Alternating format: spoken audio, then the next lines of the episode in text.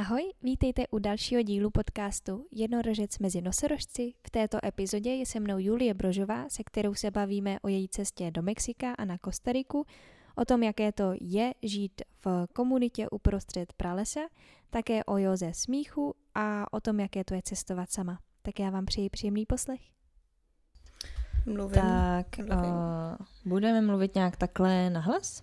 Mám se teda asi blíž k puse. Mm, mluv, jak je ti to příjemný, já to zkusím podle Mluvím toho. takhle. Uh, já se asi budu i hodně to Hejbat. šoupat, No, to je protože jsem trošku hyperaktivní člověk, jestli si vzpomínáš. Ano. Ale um, a navíc, když jsem nervózní, tak se tak jako hejbu, takže takže možná i proto tam budeš mít třeba nějaký šum a To tak. nevadí, on třeba pes během toho několikrát narazí do stolu. A... A pak se třeba zasměju, takže to nebude hrozně nahlas a bude to nějak takhle. Ha, ha, ha, ha. Super. Ideální zvukovka. Ahoj, já vás vítám u další epizody a dneska je tady se mnou Julie Brožová. Ahoj Juli. Ahoj, Týnko. A my jsme se s Julčou seznámili tak, eh, my jsme spolu chodili na konzervatoř do školy, na herectví a já jsem si dneska Julču pozvala proto, že ona má spoustu úžasných teďka zážitků z Mexika a z Kostariky a já bych byla moc ráda, kdyby je tady nazdílela. Takže moje první otázka na tebe asi bude, jak celý nápad eh, vyjet jako někam takhle daleko vznikl. Uh, dobře, tak jdeme na to. Uh, můj první nápad o tom vyjet někam daleko byl hrozně dávno. Já jsem vždycky chtěla do Jižní Ameriky, protože jsem cítila, že mě tak jako táhlo uh, nějaký poselství šamanů a, a přesně Amazonie a hrozně mě zajímalo všechna různá medicína a tak a koukala jsem na různé přednášky a chodila jsem, koukala jsem na různé dokumenty, chodila jsem na přednášky a tak. A vždycky jsem věděla, že chci tady tu cestu do Střední a Jižní Ameriky podstoupit. No a no takže potom, když vlastně jsem nějak ukončila bakaláře na výšce a, a ještě jsme se rozešli tehdy s přítelem a mně se v životě otevřel takový prostor, takový prázdno a vlastně nevěděla jsem moc, eh, co třeba se životem dál, tak to bylo, tak to bylo vlastně jasný, že teď je čas pro tady tu, pro tady tu cestu. Eh, A vůbec jsem vlastně nevěděla, na jak dlouho to bude. Nakonec toho teda bylo 10 měsíců, tři, tři měsíce v Mexiku a potom dalších šest nebo sedm na Kostarice. A, a tak. A ty si, uh, my jsme se spolu už předtím s Julčou snažili učit uh, španělsky, ale uh, ty si stejně ještě jela do toho Mexika se nejdřív naučit španělsky? To je pravda, my jsme se vlastně učili spolu, já jsem no, to úplně zapomněla. Aha. Uh, jo, já jsem vlastně tehdy nějak se teda už snažila to naučit kvůli tomu, že jsem přesně věděla, že chci do tady těch zemí jednou. Pak jsem ještě jela na, jela na Erasmus do Madridu, abych to tak taky po, uh, Pochytila. pochytila nějak, no. A právě protože jsem věděla, že neumím ještě španělsky natolik, abych šla rovnou eh, do toho prostředí té Amazonie, kde prostě se na mě jenom bude valit, uh, valit jenom španělština, tak jsem jela právě do Mexika, protože jsem věděla, že tam mám kamarádku, se kterou jsem kdysi tancovala, která tam teď žije. A, a věděla jsem, že tam to prostředí je takový jako nejspíš uh, jednodušší na to se, to se ten jazyk naučit. A takže tam jsem si řekla, že budu cestovat a ještě se jako nepohrnu tolik do, tý, do těch zkušeností s medicínou a, a tak. A Co jsi, co jsi teda dělala v tom Mexiku? Ty jsi tam jela prostě jenom za kámoškou a bydlela si tam u ní teda, nebo? jo, já jsem přijela za ní do Mexico City, tam jsem u ní bydlela a chvilku jsem tam s ní zevlila a, a poznávala jsem město. A jsme se vlastně viděli po hrozně, hrozně dlouhé době a byli jsme dřív nejlepší kamarádky a pak jsme se prostě setkali, bylo to vlastně hrozně pěkný. No a potom jsem začala cestovat po Mexiku. Opustila jsem Mexico City a jela jsem do Oaxaky, jela jsem do Chiapasu, do Quintana Roo a Yucatánu. To jsou prostě státy Mexika. A žila jsem ze dne na den, mm, potkávala jsem každý třetí den novou partu lidí, uh, hodně jsem hodně jsem šla vlastně s nějakou flow toho, co jsem cítila. Několikrát jsem onemocnila, protože jsem nebyla vůbec zvyklá na, na ty všechny bakterie a viry, které tam byly. A, a hodně jsem báskovala, protože jsem, protože jsem měla sebou ukulele a, a vždycky mě bavilo báskovat takhle při cestách a tak jsem chodila po restauracích a báskovala jsem a vydělávala jsem si vlastně na, na život takhle. Báskovat je vydělávat si hudbou. Jo, pardon, báskování je vlastně ulici. cokoliv, co člověk dělá na, na ulici za mm-hmm. výměnou, výměnou za peníze. Mm-hmm. No, takže tak a tam to vlastně chodí úplně to báskování jinak. Tady vždycky v Praze, když jsem to dělala, tak jsem si stoupla na ulici nebo kdekoliv jinde v Evropě nebo tak, tak jsem stála na ulici a vlastně měla jsem košíček před sebou a lidi házeli, kdo chce. Ale v Mexiku na tady to lidi nejsou zvyklí a vlastně to báskování tam probíhá tak, že člověk chodí po restauracích a, a a vlastně jim zahraje tři písničky a potom prostě obejde a řekne, kdo by chtěl podpořit, tak, mm-hmm. tak podpořte. A někdo dá, někdo nedá. A takže vlastně to bylo hrozně zajímavé, že že jsem občas jako měla pocit, že jsem vyžírka, že jako že brám o ty peníze, ale vlastně potom mi došlo, že, že ty lidi, některý samozřejmě prostě nechtějí dát a tak je to v pohodě, že nedají a, a někomu to vyloženě udělá hroznou radost. A takže nakonec jsem se i tohohle pocitu, že jsem vyžírka zbavila, protože za mnou potom lidi chodili a byli, byli, byli vyloženě nadšený. Takže jsem s tím pokračovala dál a bylo to vlastně fakt pěkný, no. A ty si překonala teda, uh, co jsem se tak seznámila ještě tady s tvýma emocema a příběhem, a že si překonávala i trošku tady ten prvotní stud z toho vlastně vystupovat takhle sama na ulici, hrát, zpívat. Mm-hmm. A kdy se to zlomilo? No, mě vždycky, vždycky jsem báskovala mimo, mimo Českou republiku, to by vlastně bylo docela jednoduchý, ještě tehdy, protože jsem věděla, že mě tam nikdo nezná a, a že a že vlastně kdykoliv udělám chybu, tak je to jedno, protože jsem prostě v cizině. A takže tam to bylo, do, v, takhle v cizině to bylo super, ale potom jsem si řekla, že velký stud přišel, když jsem si řekla, že bych chtěla báskovat i v Praze. Mm. A mhm. tam jsem najednou začala fakt hodně bát a, a, a přišlo mi, přišlo mi, že když někoho potkám, kdo třeba dřív mě znal a, a řekne si, proč se snaží zpívat, nebo proč se snaží prostě takhle jako dělat hudbu vůbec a tak, tak, že mě třeba odsoudí ty lidi. A pak jsem si přesně řekla, co je to za blbost, že mě takovýhle strach už prostě čtyři roky brání dělat to, co chci, báskovat třeba právě v Praze. No a tak jsem před rokem si stoupla právě s tady tím, s tady tím záměrem na Václavák a řekla jsem si, že jdu, že jdu přes to. A, a vlastně to nakonec bylo úplně krásný, jenom zvědomit ten strach, že je to vlastně úplná blbost, to, co mě jako svazuje. A že i kdyby si někdo mě odsoudil, tak je to jeho věc a ne moje a, a že prostě budu dělat, co budu chtít mm. si.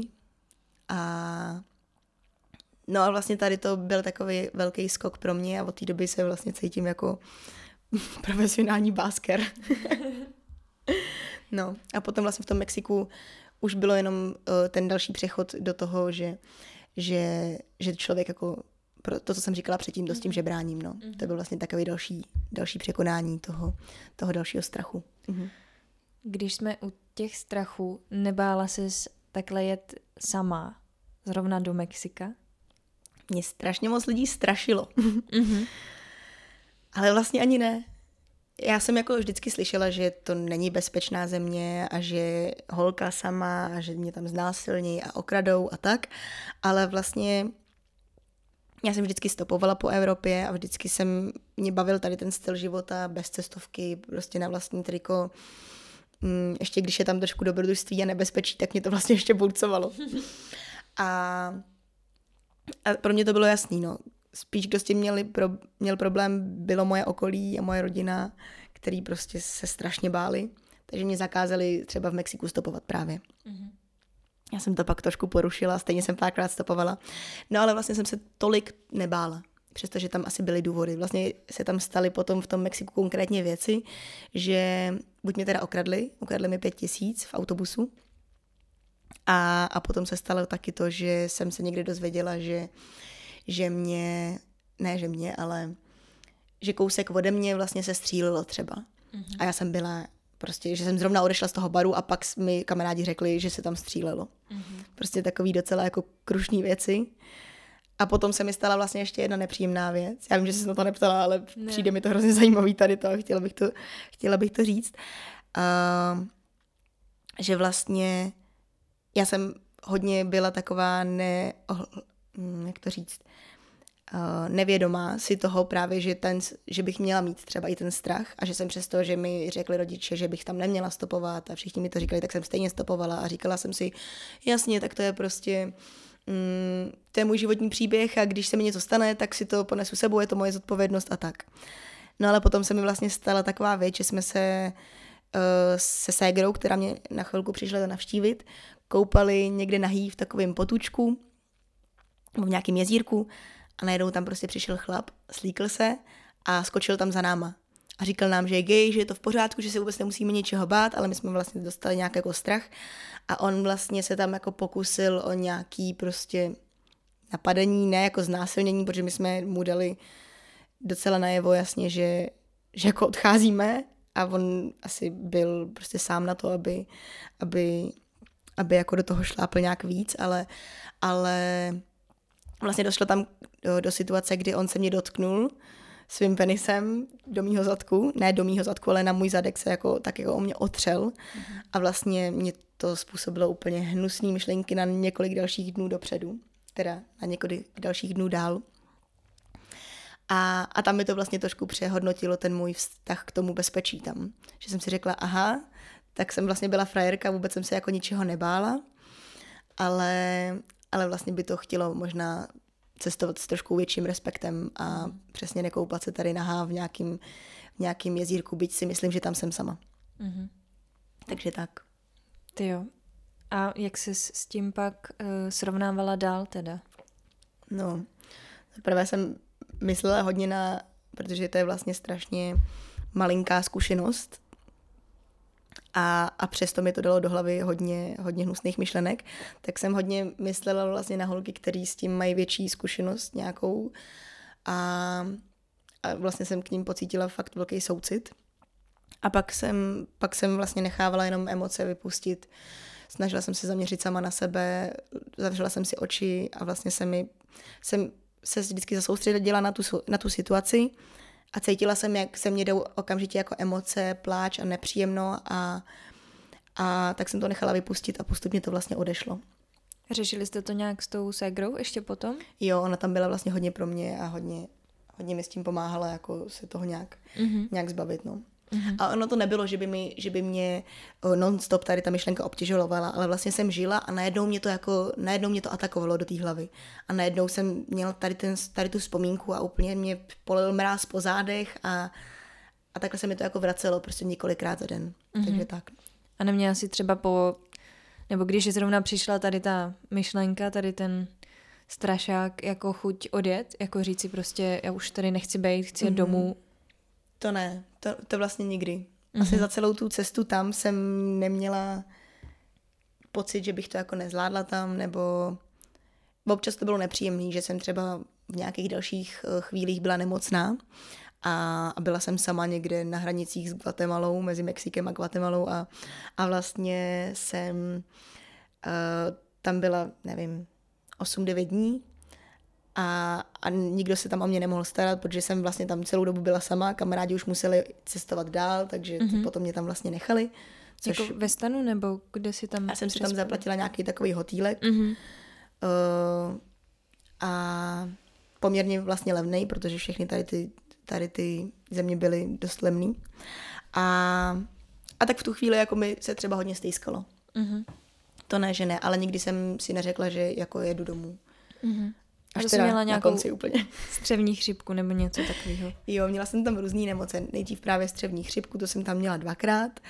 A, a tady to byl buď covid, nebo, uh-huh. nebo um, nebo prostě nějaký jako bacil tam možná mě píchla, uh, píchl nějaký moskýto, uh-huh. nějaký uh, komár. Komár, děkuji. Uh-huh. A vlastně nevím prostě do teďka, co to bylo, protože doktor byl moc daleko na to, abych se tam vůbec jako dostala. A jak se s tím jako, co tě nejvíc drželo jako nad vodou v, tě, v téhle situaci? Já to ani nechci vůbec říct, ale byl to Netflix. Já jsem se podívala na všechny, všechny díly stmívání ve španělštině a, a fakt mě to hrozně pomohlo. To je super. jo a, a samozřejmě taky to, že jsem furt byla v kontaktu s rodinou a že, mm-hmm. že mě tam jako podporovali hodně a aspoň takhle na dálku. Mm-hmm. No, ale bez Netflixu nevím, jak bych to zvládla. A jak jsi vůbec byla, jako uh, to jsi to celý financovala sama, nebo ti přispěli rodiče na takovýhle mm-hmm, výjezd? Jo. No, jako tam... Rodiče mě podporovali, co se, týče, co se týče emocí a tak, ale vlastně tím, že jsem, tím, že jsem vlastně aktivně nestudovala, tak byť vlastně jsem v, na Kostarice byla na stáži, um, tak uh, tak jsem prostě si to financovala sama. Mně se předtím podařilo vyhrát nějakou uh, casting na nějakou reklamu, takže to mi hodně pomohlo, že jsem měla zhruba, zhruba 20 tisíc vlastně z tady, toho zdroje. Různě jsem měla našetřeno a potom tím, že jsem na Kostarice byla na stáži, tak, uh, tak tam mě finančně podpořila i docela škola. To mě mm-hmm. taky hodně pomohlo. A něco jsi vydělávala tím báskováním? A samozřejmě jsem mm-hmm. báskovala, takže to hodně pomohlo. A potom, potom na Kostarice už jsem tolik nebáskovala, ale zase jsem si tam rozjela se ségrou business, uh, kdy jsme prodávali boty, uh-huh. barefootky. Takový uh-huh. ty bos, bosoboty uh-huh. jsme mhm. prostě tam vyráběli a protože uh, na Kostarice jsme byli uh, v komunitě, kde kde žilo spoustu spirituálně založených lidí, uh-huh. tak jakmile jsme jim řekli o tom, že bosoboty jsou skvělí pro to být víc propojený s matkou zemí a, a vlastně být víc uzemněný a prostě uh, neodpojený od, od země, uh-huh. tak, uh, tak to vlastně se to, hrozně se to rozjelo a, a všichni to kupovali, takže, takže to bylo vlastně taky hezký zdroj peněz potom. A jak jsi teda dostala na tu Kostariku potom? Kam jsi tam jela? Co to bylo za mm-hmm. komunitu? Jo, tak vlastně po třech měsících cestování a takové svobody v Mexiku uh, jsem už měla naplánovaný, že pojedu do, pojedu do komunity Pachamama, která je právě na Kostarice. Tam za mnou potom přijela i Segra a tam jsme strávili teda dalších 6-7 měsíců. A to je teda komunita, která, která schromažďuje skvělý lidi, kteří tam buď pracují nebo žijou a potom tam jsou vizitoři. Lidi, kteří tam vlastně navštěvují tu komunitu a, a, a chodí tam na různé workshopy, chodí tam na ceremonie, mm, na různý, eh, hodně se tam jede yoga a, a lidi se tam vlastně sebe rozvíjejí hlavně. Já jsem tam pracovala jako, jako dobrovolník vlastně a to je taky důvod, proč jsem spoustu z těch věcí, které normálně by byly úplně v mých očích přemrštěně drahý, tak jsem je měla o hodně levnější, protože jsem tam vlastně celou dobu pracovala uh, jako ten dobrovolník. Takže tak. Teď vlastně nevím, co, co víc říct o té komunitě. Mm-hmm. Je tam mhm. toho jako ohromně velký balíček, uh, co povědět. Mm-hmm. Zajímá tě něco konkrétního? Uh, no tak uh, ty si říkala, že tam ty lidi jezdí teda za nějakým seberozvojem. Mm-hmm. A jak to tam teda jako funguje? Jak vypadá ten tvůj denní program? Teda máš tam asi nějak, něco daného, když tam musíš nějak dobrovolničit, mm-hmm. tak jak, jak to třeba probíhá tvůj den? Jo, jo, jo. Ještě se vrátím malinko, jak mm-hmm. jsi říkala o tom, já jsem řekla jenom o tom seberozvoji, ale vlastně Aha. ono, třeba některý lidi si tam jedou ře, uh, řešit vyloženě nějaký svoje uh, hluboký traumata, Aha. nebo se tam vlastně jedou léčit i třeba. Eh, a přesně někdo to má tak, že se jede léčit z rozvodu, protože v sobě má hrozně moc smutku a potřebuje to nějakým způsobem, způsobem vyventilovat a tak. A někdo tam přesně jede za sebe rozvojem nebo za poznáním něčeho nového. Mm-hmm. No a jak teda vypadá běžný den tam? Hodně záleží na tom, jestli tam člověk pracuje, nebo dobrovolničí, anebo, anebo teda jede tam jenom vlastně na dovču, nebo za, se vyloženě zasoustředit na sebe a, a posunout se v něčem. Můj třeba denní program tam hodně spočíval v té práci. Já jsem tam vlastně, uh, nejdřív jsem tam začala pracovat za barem a míchala jsem smutíčka lidem a nalejvala jim juicy a potom, se, potom jsem se přesunula do hudby. Uh, Mně se tam stala vlastně strašně strašně krásná věc. Do teďka jsem za to neskutečně vděčná. Potkala jsem tam člověka, který, který mě nabídl, abych hrála pro Pačamamu muziku. Takže vlastně nakonec moje náplň práce byla to, že jsem tam byla jako muzikant.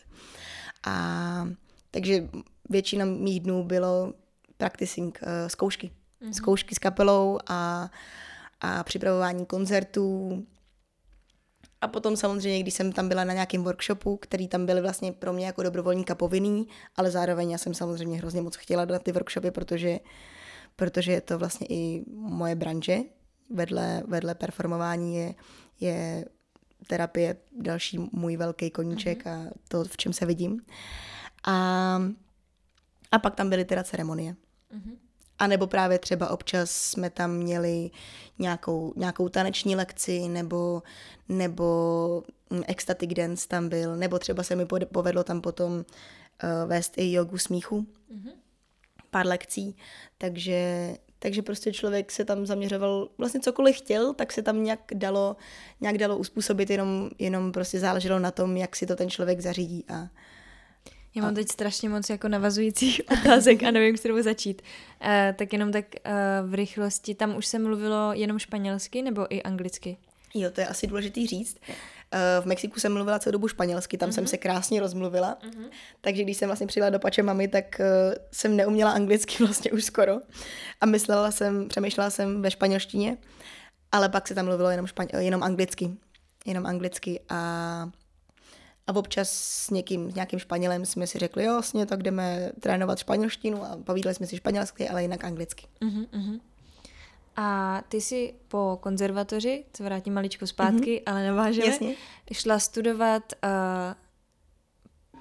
teď abych to řekla správně, jsi šla studovat do Olomouce, uh-huh.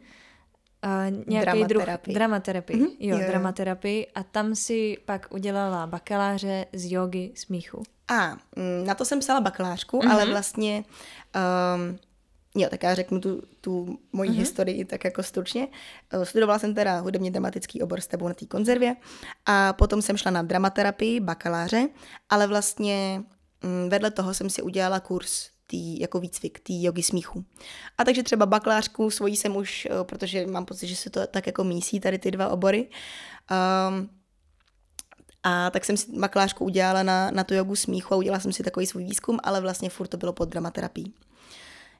Takže vlastně jsem jak dramaterapeut, tak uh, instruktor jogy smíchu, ale, uh-huh. ale je to zvlášť. Jo. A tohle si pak mohla teda nabídnout v té komunitě na té Kostarice jako mm-hmm. něco svýho, co můžeš jim předat. Jo, jo, jo. Vlastně ono, ono to není úplně běžný, že by tam přijeli takhle ty dobrovolníci a rovnou tam začali dělat nějaké věci, ale, ale ta yoga smíchu jim připadala tak specifická vlastně, že se jim to hodně líbilo a, a takže mě to tam nakonec nechali provozovat. Mm-hmm. Takže z toho jsem byla moc ráda, protože je to moje velká, velká vášeň. A co si pod tím mám představit? Pod jogou, pod jogou smíchu? smíchu? Mm-hmm. To je úžasný cvičení. Um, není to jako, že si představí, že budeme dělat jogu, že si dáme nohy za hlavu a u toho se budeme smát nebo tak, i když bychom taky mohli. je to vlastně uh, takový seskupení několika až hereckých cvičení, díky kterým ty vlastně v sobě podporuješ pozitivní energii. A ty vlastně hraješ, že se směješ a pomocí fake it till you make it procesu mm-hmm. ty vlastně hraješ, že se směješ a postupně se to stane přirozeným.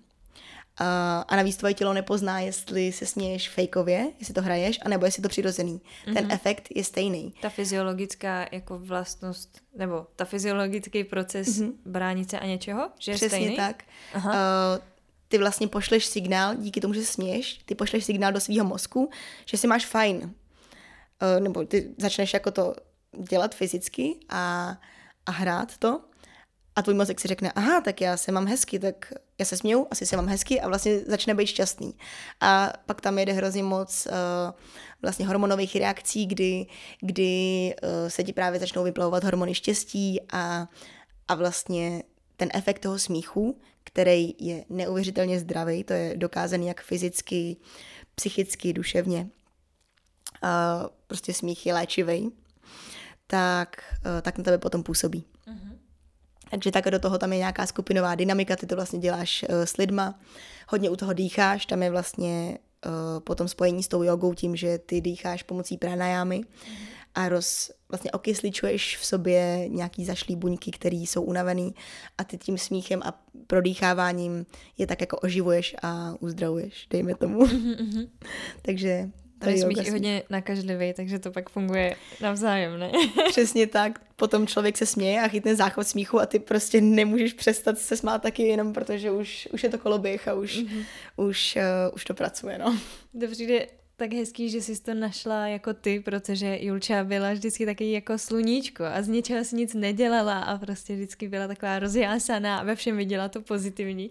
Tak mě úplně těší, že jsi našla něco takového, kde se ty lidi pak můžou smát jako ty. To je tak hezký. to mě moc těší, že to takhle v tom vidíš. No. Jo, já jsem se v tom fakt našla, no. Uh-huh.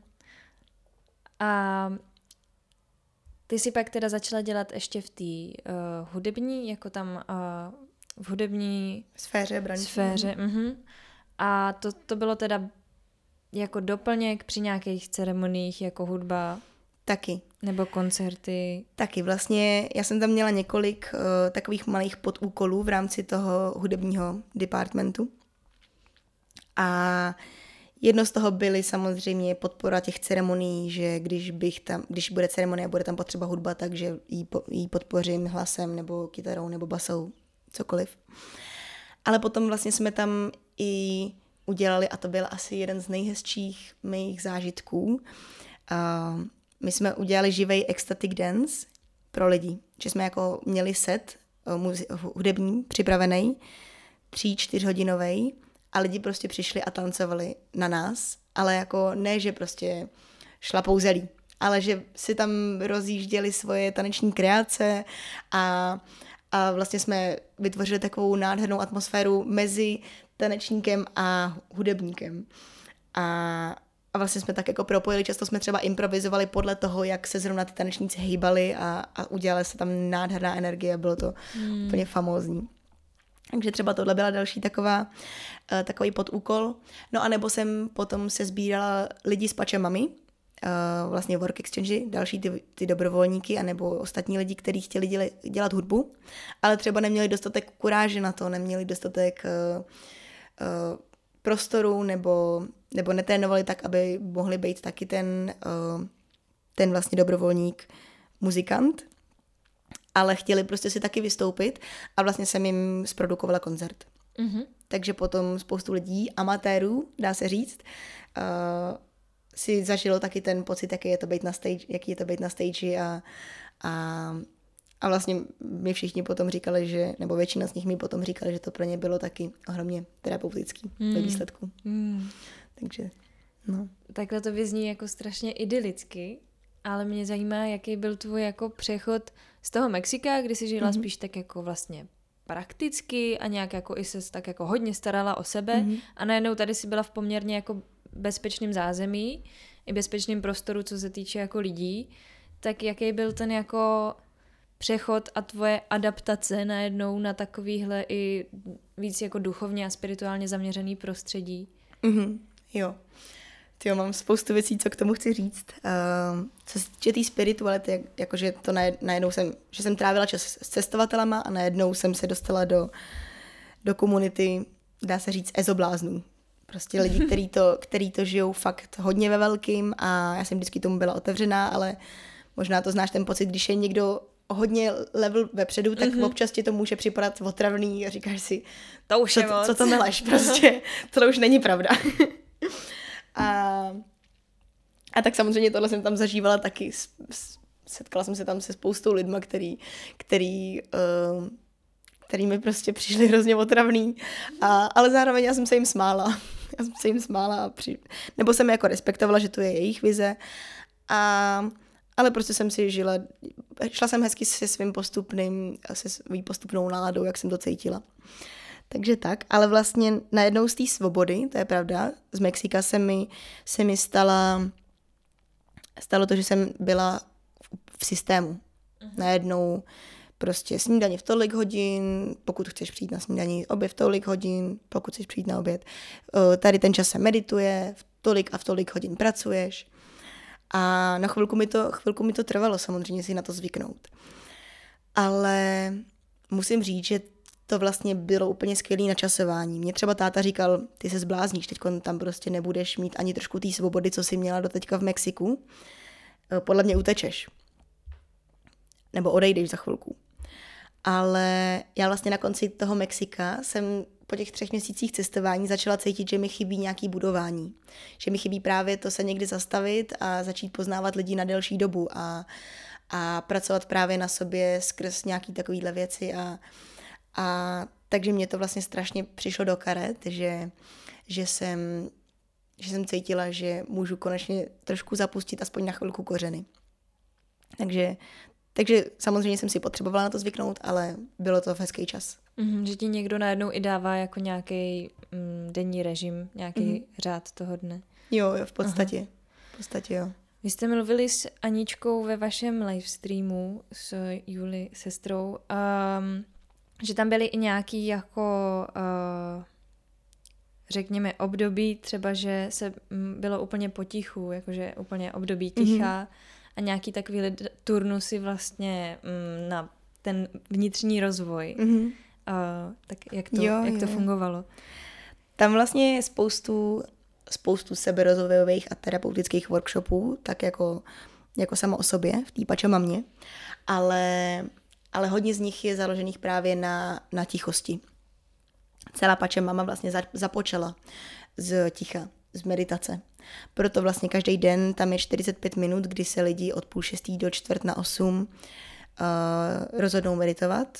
Pardon, od půl sedmý do čtvrt na osm. je to 45 minut. Mm-hmm. A, a všichni vlastně drží ten prostor a meditují. A lidi se můžou sejít ve, velkým chrá- ve velký hale, Ošohol se to jmenuje. A vlastně tam všichni společně si sednou potichu a jenom se zaměřejí do sebe. No a stejně tak vlastně my jsme tam třeba byli takhle týden v tichosti. To znamená, že vlastně třikrát za rok celá, eh, celá vesnice, celá ta komunita drží ticho a aspoň ve veřejných prostorech. Pokud je člověk sám a zrovna není v tom silence retreatu, tak může mluvit jak chce, ale ne tak nahlas, aby to rušilo ostatní, kteří jsou právě v tichosti.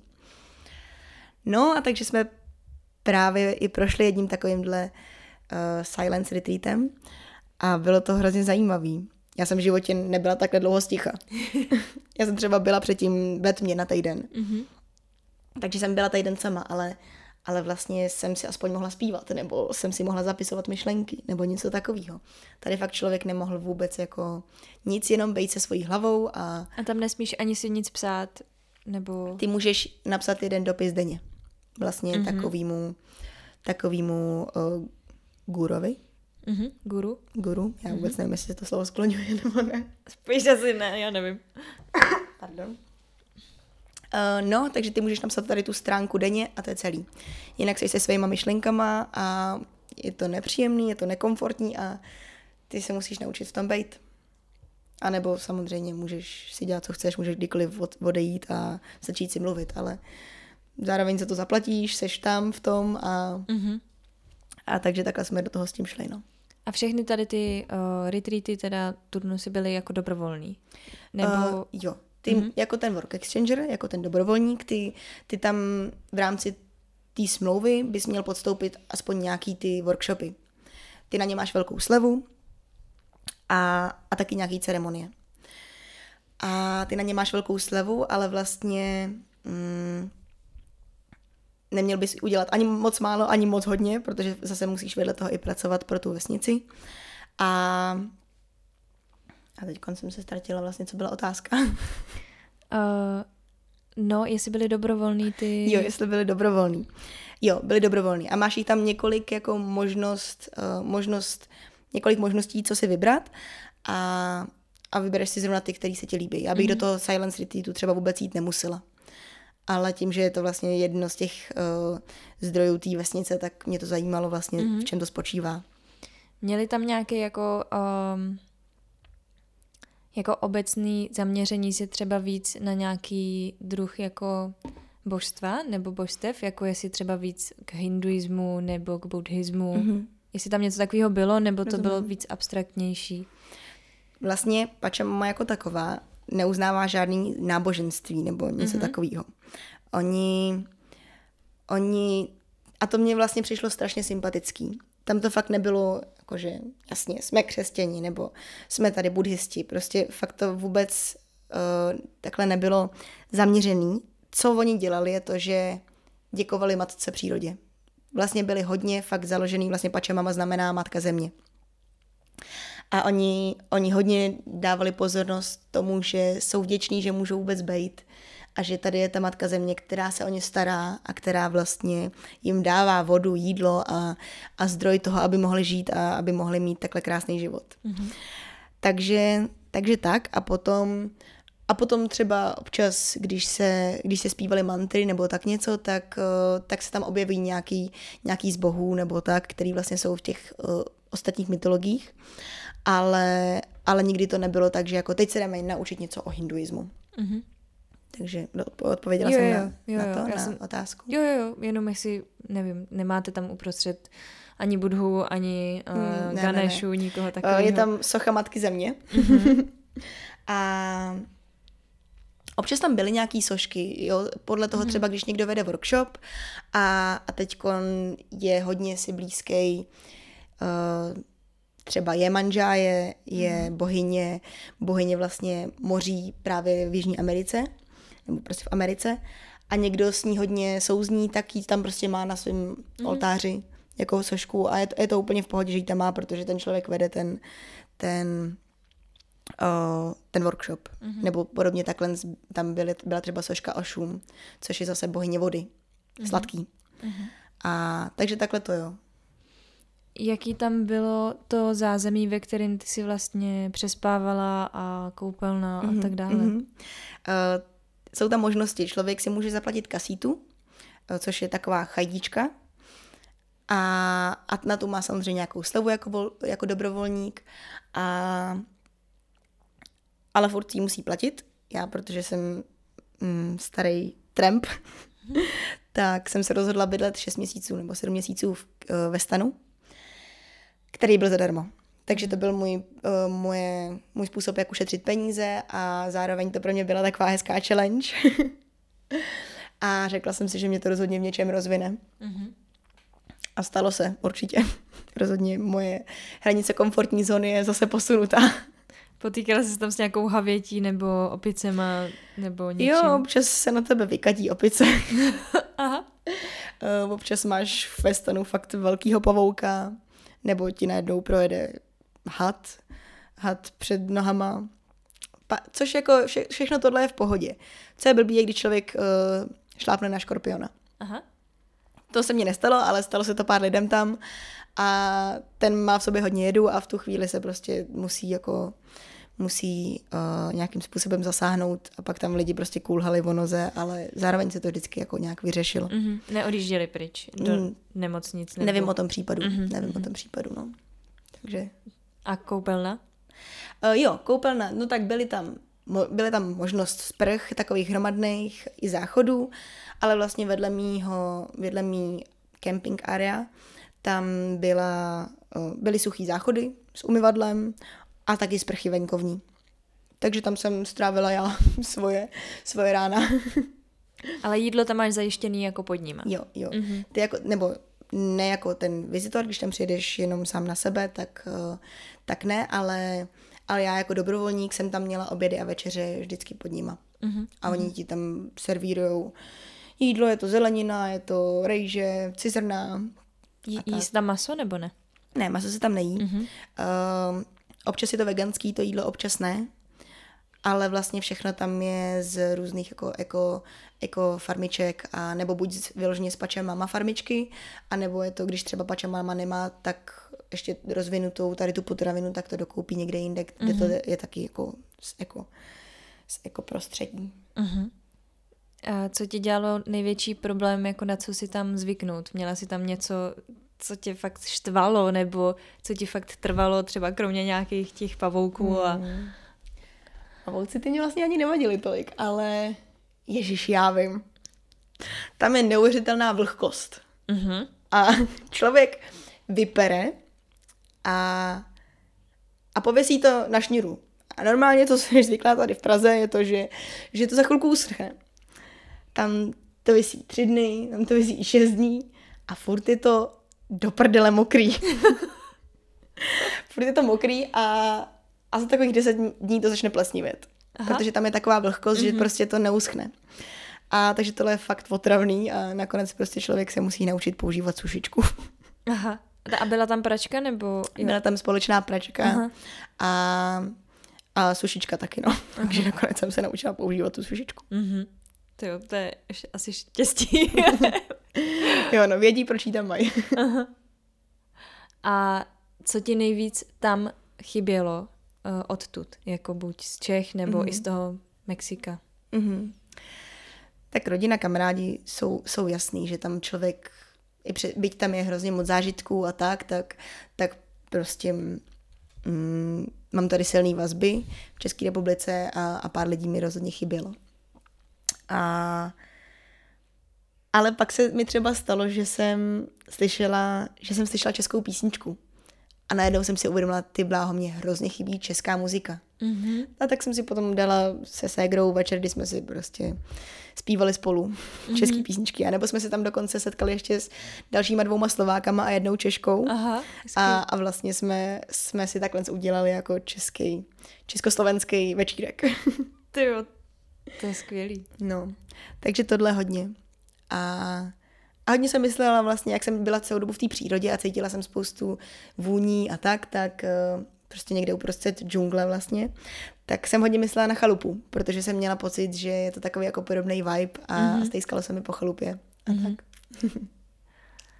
a teď jsem měla nějakou otázku a úplně mi vypadla.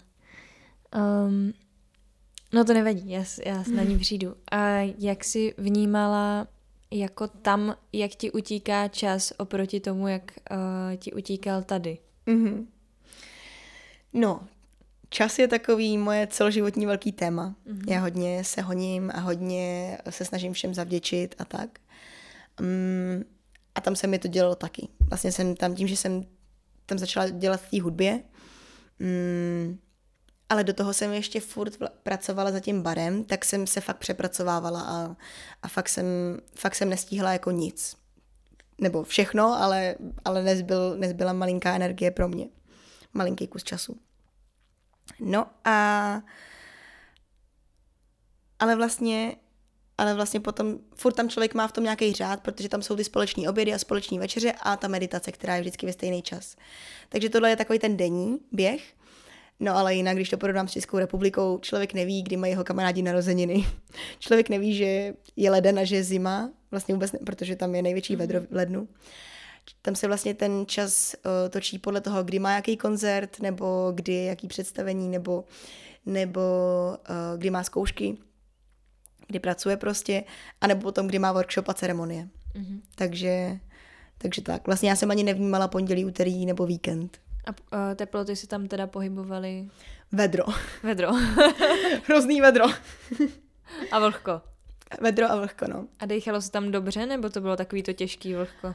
Jak kdy, fakt záleželo, když tam byla taková ta velká, velká, uh, ta nejteplejší sezóna, tak mm. prostě bylo i jako dusno a už, mm. už to prostě, už potom se viděla, jak ty uh, listy jsou furt menší a menší a najednou upadnou a najednou ten strom má jenom větívku a už ne plný, není plný listí. A takže to je potom, se člověk prostě schovává furt ve stínu někde mm-hmm. pod nějakou chajdou nebo pod nějakou mm-hmm. stříčkou, no. Um, jo, už jsem si vzpomněla, Aha. co jsem chtěla. A když jsi byla takhle hodně úplně v novém prostředí a bylo to i tak jako zaměřený na jako osobní vnitřek, jak se ti... Ty jsi tam měla internet? Mm, jo, měla jsem tam jako ne internet. Uh, Svoje data. Ne data, Aha. ale měla jsem tam možnosti se občas připojit někde na Wi-Fi. Aha tak jaký byl tvo- ten tvůj vztah jako přepojení se najednou do nějakého online světa a nazdílení něco na Instagram, mm-hmm. protože ty jako na to, že jsi byla v takovémhle světě, mm-hmm. tak za mě si toho tam dávala strašně moc. Já, když se jako ponořím do sebe, tak tady všechny ty přístroje odhazuju. Jo, jo, jo. Já jsem právě furt chtěla jako sdílet s tady tím světem, zároveň za prvé bych se jako úplně neodpojila a za druhé mně přišlo, že je to něco tak novýho, že to třeba uh, by mohlo někoho inspirovat, nebo že by to někomu mohlo při, přinést nový pohled na svět, nebo tak. Takže já jsem, já jsem se snažila prostě sdílet to, co mě přišlo zajímavé. A, a bylo to občas náročné, že, že jsem že jsem přesně neměla ty data, anebo jsem, občas jsem to zdala a řekla jsem si, ne, jdu si prostě tady užít tohle. Ale pak jsem si řekla, hele, jsem na wi tak proč to, proč to jako nepřidat. Mm-hmm. Takže, a vlastně já jsem měla wi v práci, takže takže proto i jsem měla docela hezký kontakt k, tý, mm-hmm. k tomu internetu. No. Drželo to, tě to nějak, máš pocit jako trochu to, že jsi měla právě tady nějakou odezvu i z, mm-hmm. z Čech? Jo, Jo, drželo. Jako byla jsem, uh, byla jsem, občas prostě lidi se, někteří lidi se se mnou ztratili kontakt, protože prostě je náročný s časovým posunem se jako furt, uh, furt volat každý mm-hmm. týden nebo něco takového. A tak vlastně tady to byla i taková hezká, hezká, mm, hezká možnost, jak jim jako ukázat vlastně, co dělám, aniž bych, aniž bych musela každému volat zvlášť. Prostě to viděli a já jsem, a napsali mi třeba je a do, doptali se na něco nebo mm-hmm. tak mhm. a tak jsem s nima najednou měla kon, konverzaci. Mm-hmm. Přestože o 8 hodin později, tak prostě tam něco jako aspoň proběhlo. Takže vlastně to bylo v tady tom dost příjemný. Mm-hmm. Jo, jo. Ty jsi na té Kostarice uh, měla možnost zkusit i nějaký uh, medicíny, které jsou tady v Čechách třeba zakázaný. Mm-hmm. Tak jestli o tom můžeš něco říct? Jo, jo, určitě. To je vlastně zajímavý, protože tohle, ta medicína jako taková, kromě celé cesty do Ameriky, nebo do Latinské Ameriky, byla, byl, byla cíl pro mě. Já jsem si říkala, že jasně pojedu prostě do Mexika, potom pojedu na tu Kostariku tam asi jako se do medicíny nějak jako nedostanu, protože přece budu v té komunitě.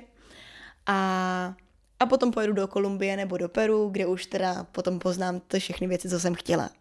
Hrozně jsem toužila po, po tom poznání ayahuasky a po, po různých žábách, po ufobufo nebo kambo a, a různě mě zajímaly vlastně tady ty spirituální uh, cesty pomocí, pomocí medicíny. když řeknu medicína před mýma nějakýma pražskýma kámošema, tak se, tak se mi vysmějou a řeknou, to jsou drogy. Ale já vlastně na to korpor tady té cestě mám, mám prostě jiný názor a fakt v tom vidím jako proces léčení a proces, proces k tomu seberozvoji.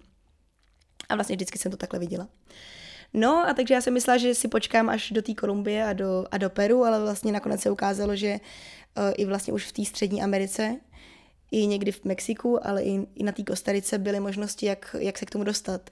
Takže jsem tu možnost chytla za pačesy a, a ponořila jsem se i do tady toho světa, kdy, který mě prostě vždycky zajímal. A zkusila jsi si všechny, co jsi chtěla? Uh, ne, ještě by mě zajímalo, ještě by mě zajímaly spoustu jako dalších věcí. Zajímalo by mě kambo hodně a to jsem vlastně byla tomu blízko, ale nakonec jsem, nakonec jsem se rozhodla pro, pro něco jiného. A, ale zároveň není všem dnům konec a mm-hmm. taky to nemusím jako všechno pohrotit hned. no ale jinak, jinak jsem se setkala se spoustou věcma. Setkala jsem se s kaktusama různýma, který jsou vlastně hodně srdce otvírající se, se San Pedro nebo z Peyote. A pak svojí vesninou ayahuasku jsem, jsem potkala, nebo jahe, a, a pak jsem tam měla několikrát houbičky, ale to je vlastně něco, co, co jsem znala už tady osud. Mm-hmm. Akorát teda tam jsou trošku jiný, protože samozřejmě to nejsou, nejsou český, český tady, nejsou hlávky.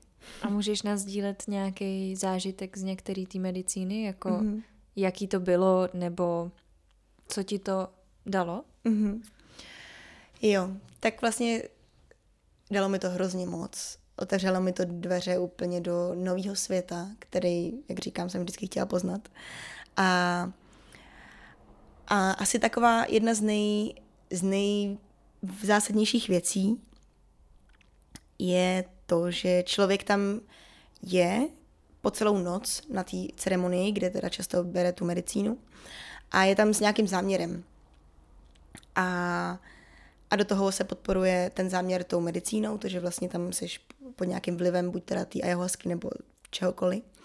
A, a vlastně často tam procházíš dost náročnýma, dost náročnýma věcma. To by může být hodně nevolno, můžeš zvracet, může ti prostě fakt být blbě, můžeš se bát se pohnout, nebo může ti pře, uh, přemoc jakákoliv vlastně uh, tvoje temná stránka, když to tak řeknu.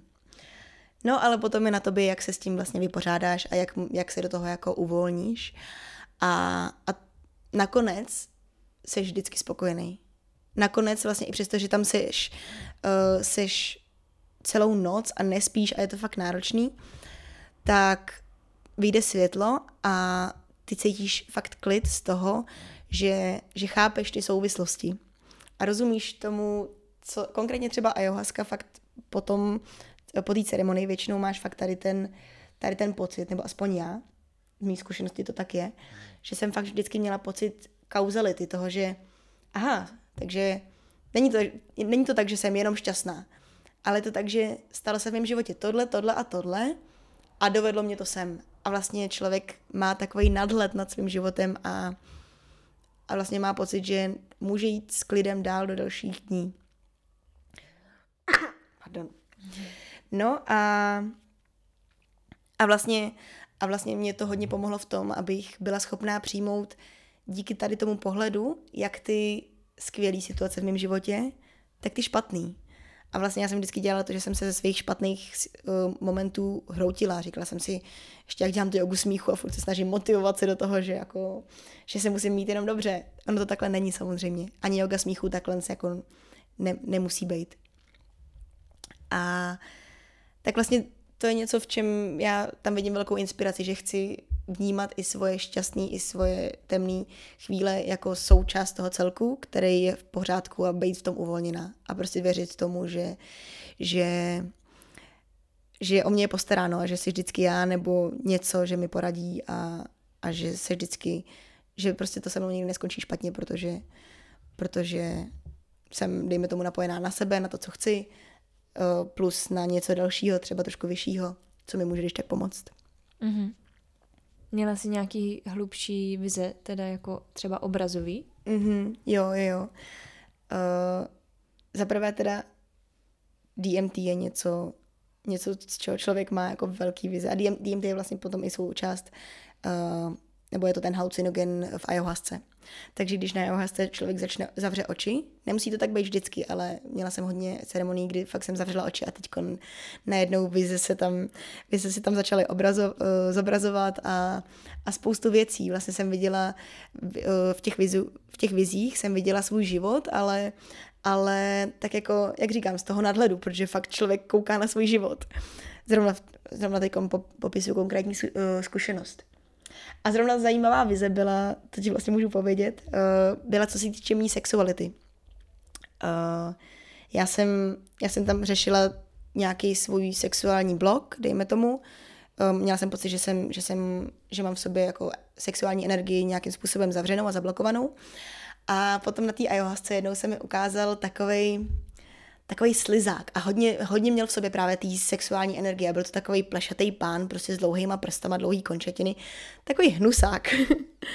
a, a vlastně nám říkal, jako, že se máme s těma svými představami, když tak, že si jich jako nemáme jim bránit. A tak jsem si řekla, dobře, tak se s ním jdem zkamarádit. A zeptala jsem se ho, hele, kdo jsi? A on mi řekl, ty. A já, do prdele, tak co s tím mám jako teď dělat?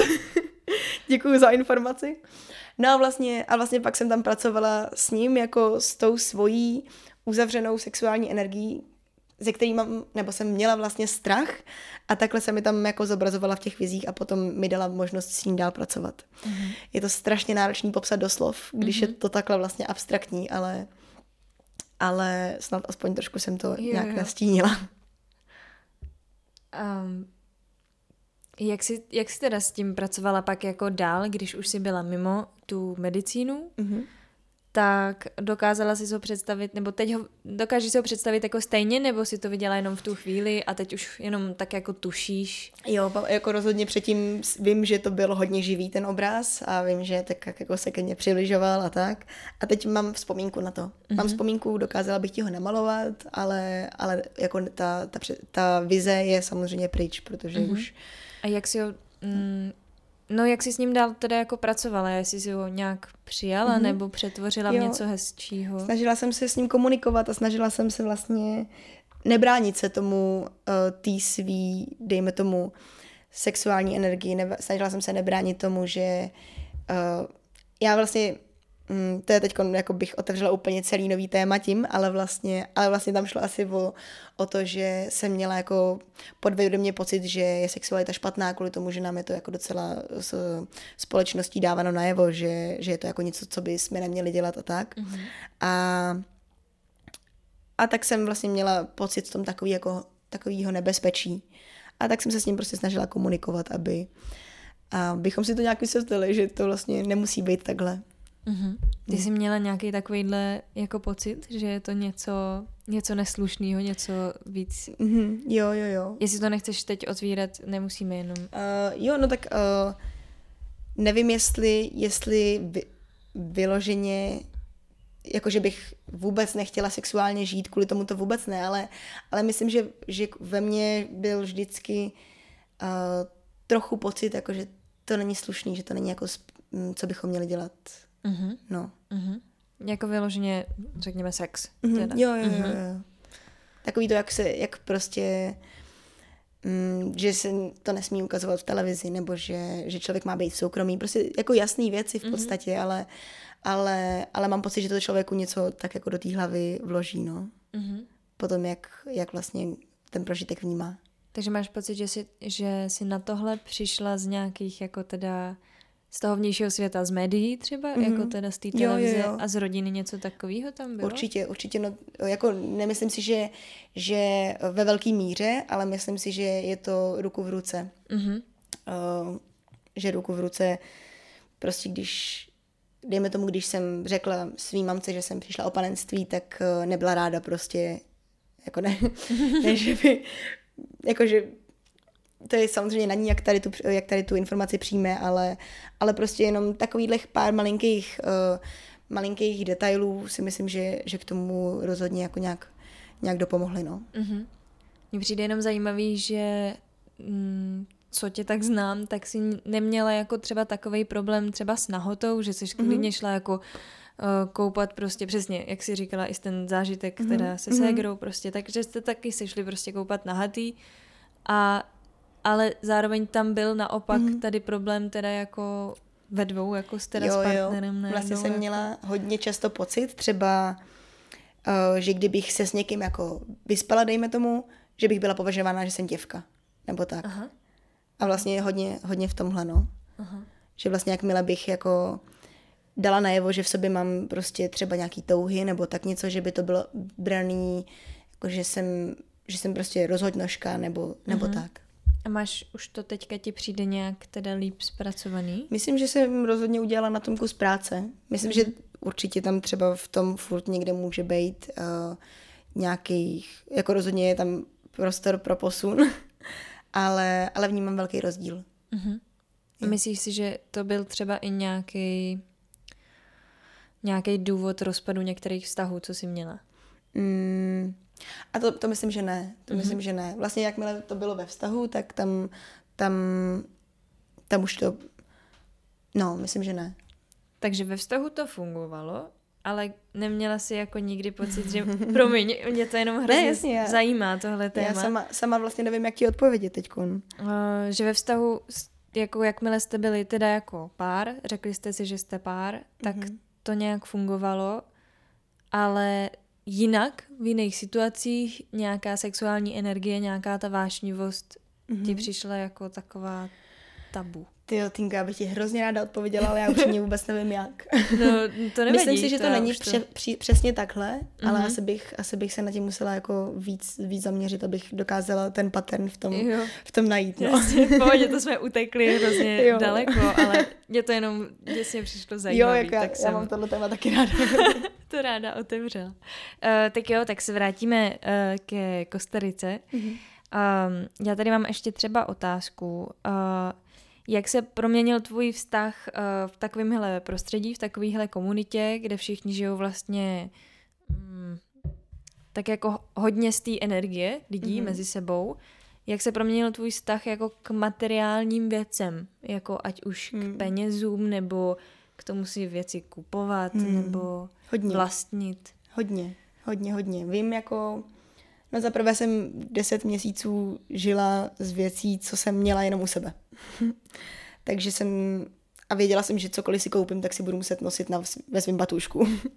Takže člověk jako už z tady toho důvodu si, si nekupuje tolik věcí, ale, ale přesně jak si to řekla, tam jsme hodně dostávali informace o, o ekologii, o tom, jak, jak uh, velký proces uh, vlastně jak dlouhou cestu nějaký prostředek, který si koupíš, musí ujít, aby se to dostalo k tobě do rukou. Uh-huh. Přes všechny různé továrny a takhle. Takže cokoliv vlastně teď kupuju, tak, tak zatím vidím tady tu stopu, no. A, a snažím se celkově si kupovat věci, které potřebuju a ne které jenom jako chci.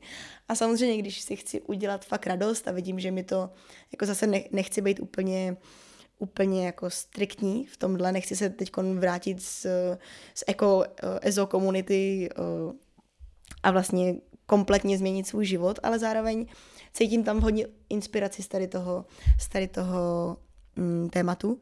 A, a přesně koukám na to, co kupuju za potraviny jenom, nebo přesně jestli potřebuju kalhoty nebo ne. A, a teda to jsem vlastně dělala vždycky, ale mám pocit, že to teď mám ještě víc. Mm-hmm. Jestli si třeba nemůžu zdědit od někoho nebo, nebo jít do sekáče. Mm-hmm. Víš? Takže takovýhle věci. A, ale zároveň zároveň o, třeba dneska si chci koupit novou kytaru. Takže tam jakoby vidím velký rozdíl s věcma, který jsou mi fakt pro něco a kde vidím jako investici do, do toho, že chci dělat hudbu, tak, tak si prostě chci koupit dobrou kytaru. Protože mi chybí. No. Um, jak, jaký byl teda vlastně pro tebe návrat z tady toho světa do tohohle světa, je to všechno ty jsi někde řekla, já teď nevím, někde myslím na, někde na Instagramu nebo kde si řekla, že je to vlastně tady furt stejný, ale jiný. Jo, no, ono, to je totiž pravda. Um, jsem věděla, že tato otázka přijde. uh, teď jsem tady kolik? 9, 10 dní. Mm-hmm. A je to furt zvláštní. Ale zároveň každý den je to lepší a lepší. Musím říct, že první den byl krásný, mamka mě vyzvedla na letiště, já jsem potulila mámu po hrozně dlouhé době a bylo to hrozně pěkný, pak jsem šla na babičino divadlo amatérský, krásný, krásný, pak jsme si povídali do rána, fakt úžasný první den. Druhý den jsem se ještě viděla s kamarádkama, taky, taky krásný, ale vlastně už tam začínaly někde být takový jako pocity, že jsem, že jsem podivín.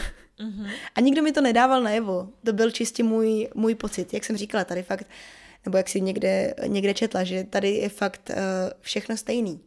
Lidi se posunuli v něčem, lidi žili svoje životy dál, ale vlastně, vlastně se tady nic moc jako nezměnilo.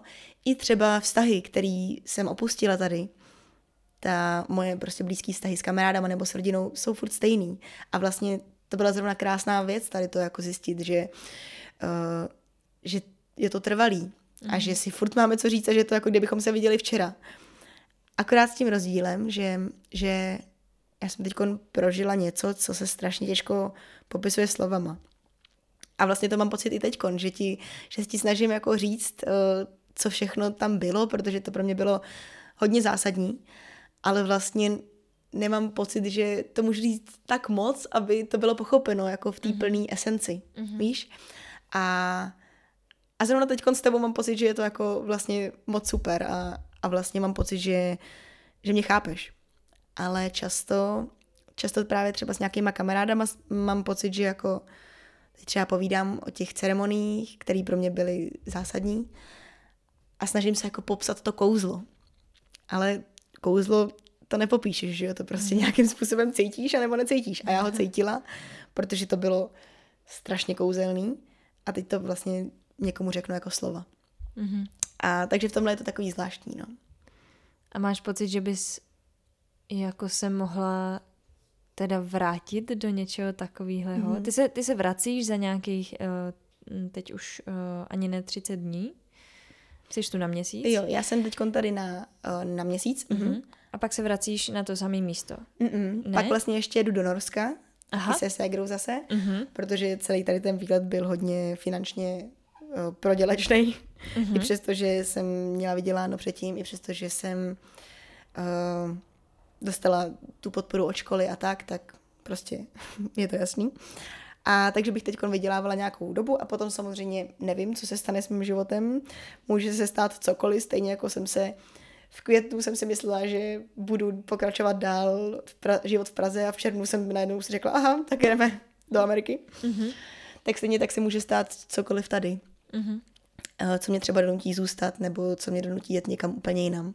Ale zatím moje vize je tak, že bych se chtěla vrátit. Nevím, jestli konkrétně přímo do tady té komunity, ale, ale celkově do, do Jižní Ameriky a, a víc procestovat jiný třeba tradice, jiný, jiný zkušenosti jiných šamanů mm-hmm.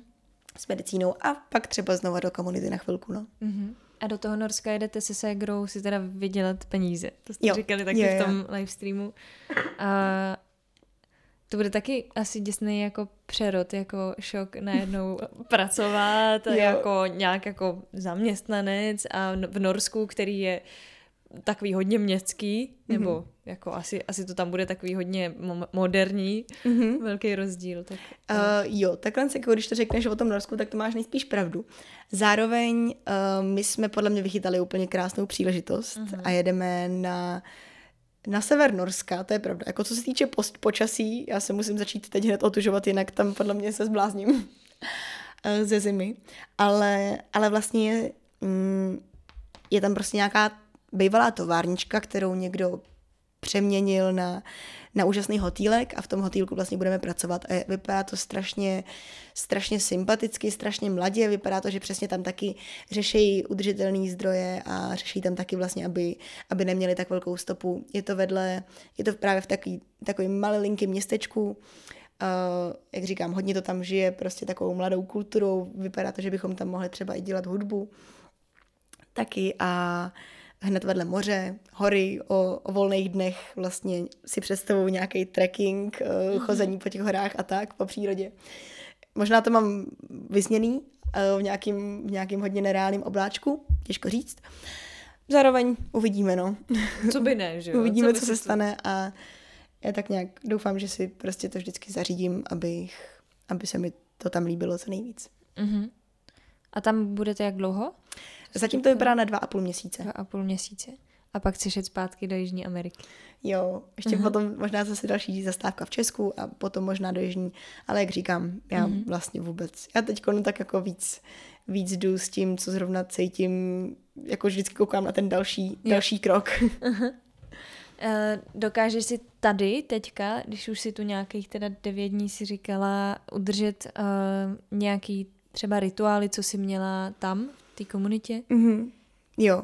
V tomhle byl fakt náročný ten příjezd, že vlastně jsem ty zvyky, co jsem měla tam, byly třeba náročný právě udržet tady. A už jenom to, že jsem letěla do letadlem a najednou mi přistála prostě plastová flaška v ruce a já jsem nestihla říct, že ji nechci a, a pak jsem jí chtěla vrátit a oni mi říkali, my jich máme dost, to nevadí, vám to si dvě.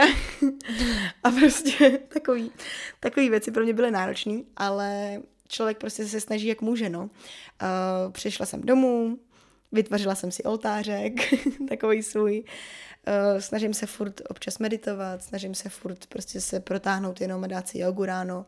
Píšu si vděčnosti, což jsem měla vždycky tady ten zvyk. A takový, takový malý drobnůstky, no. Mm, občas zpívám v přírodě, což jsem se naučila tam. A nestrhává tě to tady jako k nějakému vynechávání tady těch uh, Mm, nebo k najednou takovému jako navracení se k nějakému materiálnu a teď si sednu k telce a vypnu. A... Jo, to, to, to asi...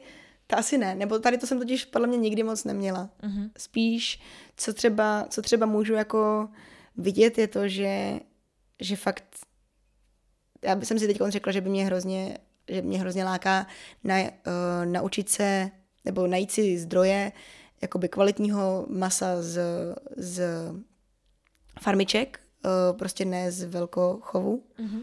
A, a takže třeba tohle teď mě jako by mě prostě lákalo víc, než si vzít sír z plastového obalu, tak prostě najít si někoho, kdo vím, že to dělá, mm-hmm. dělá v malým a v hezkým, mm-hmm. v hezkým tom, no. Mm-hmm. Takže tak. A to, že třeba přije, přijedu uh, prostě k mamce domů a otevřu lednici a vím, že, vím, že tam je plný teď tady ten uh, regál takových věcí a teď řeším, tak chci si to řád, ale chci to podporovat, teď to musím říct mámě, aby to jakoby nějak pochopila taky a neřekla mm. si, bože, ty se zbláznila a, a zároveň mamka je otevřená, takže to, takže jako si se s ní dá o tomhle mluvit, ale prostě je to takový hledání balancu, no, mm-hmm. jak tady ty dva světy propojit.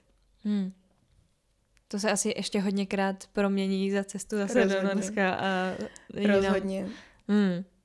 A vlastně klidně i přijímám to, že bych za Uh, že si třeba za rok uh, zase objevím tady a už budu mít úplně jiný mindset a už budu třeba třeba budu zase zpátky a budu se přejídat hory doly prostě. Věci, věcma zbyly a takovýhle. Já nevím, ale teď mám pocit, že, že jsem inspirovaná tímhle a tak si říkám, že to chci využít. Třeba mm. právě o tom se dozvědět o těch zdroje, zdrojích mm. teď, než, uh, než na to zapomenu. Mm-hmm. Já se ještě vrátím maličko zpátky, protože jsem si vzpomněla ještě jednu mm-hmm. věc, co jsem chtěla otevřít. Uh, ty jsi i v tom live streamu zmiňovala, že ti tam nastala chvíle, kdy jsi najednou uh, měla pocit, že jsi zažila ten polyamorní uh, pocit, uh-huh. jako ne vztah, ale pocit. Uh-huh. Uh, jaký to byl pocit? Co to jako, jak jsi to poznala, nebo že jsi to takhle jo. definovala? Uh-huh. Já upřímně jsem z toho ještě sama zmatená. Sama vlastně nevím úplně, do jaký míry je to něco, co bych chtěla žít, nebo ne. Jenom prostě jsem, co vím, je to, že jsem přijela do prostoru, kde, kde jsou tomu lidi mnohem víc otevřený. Často tam jsou lidi, kteří žijou v otevřeném vztahu.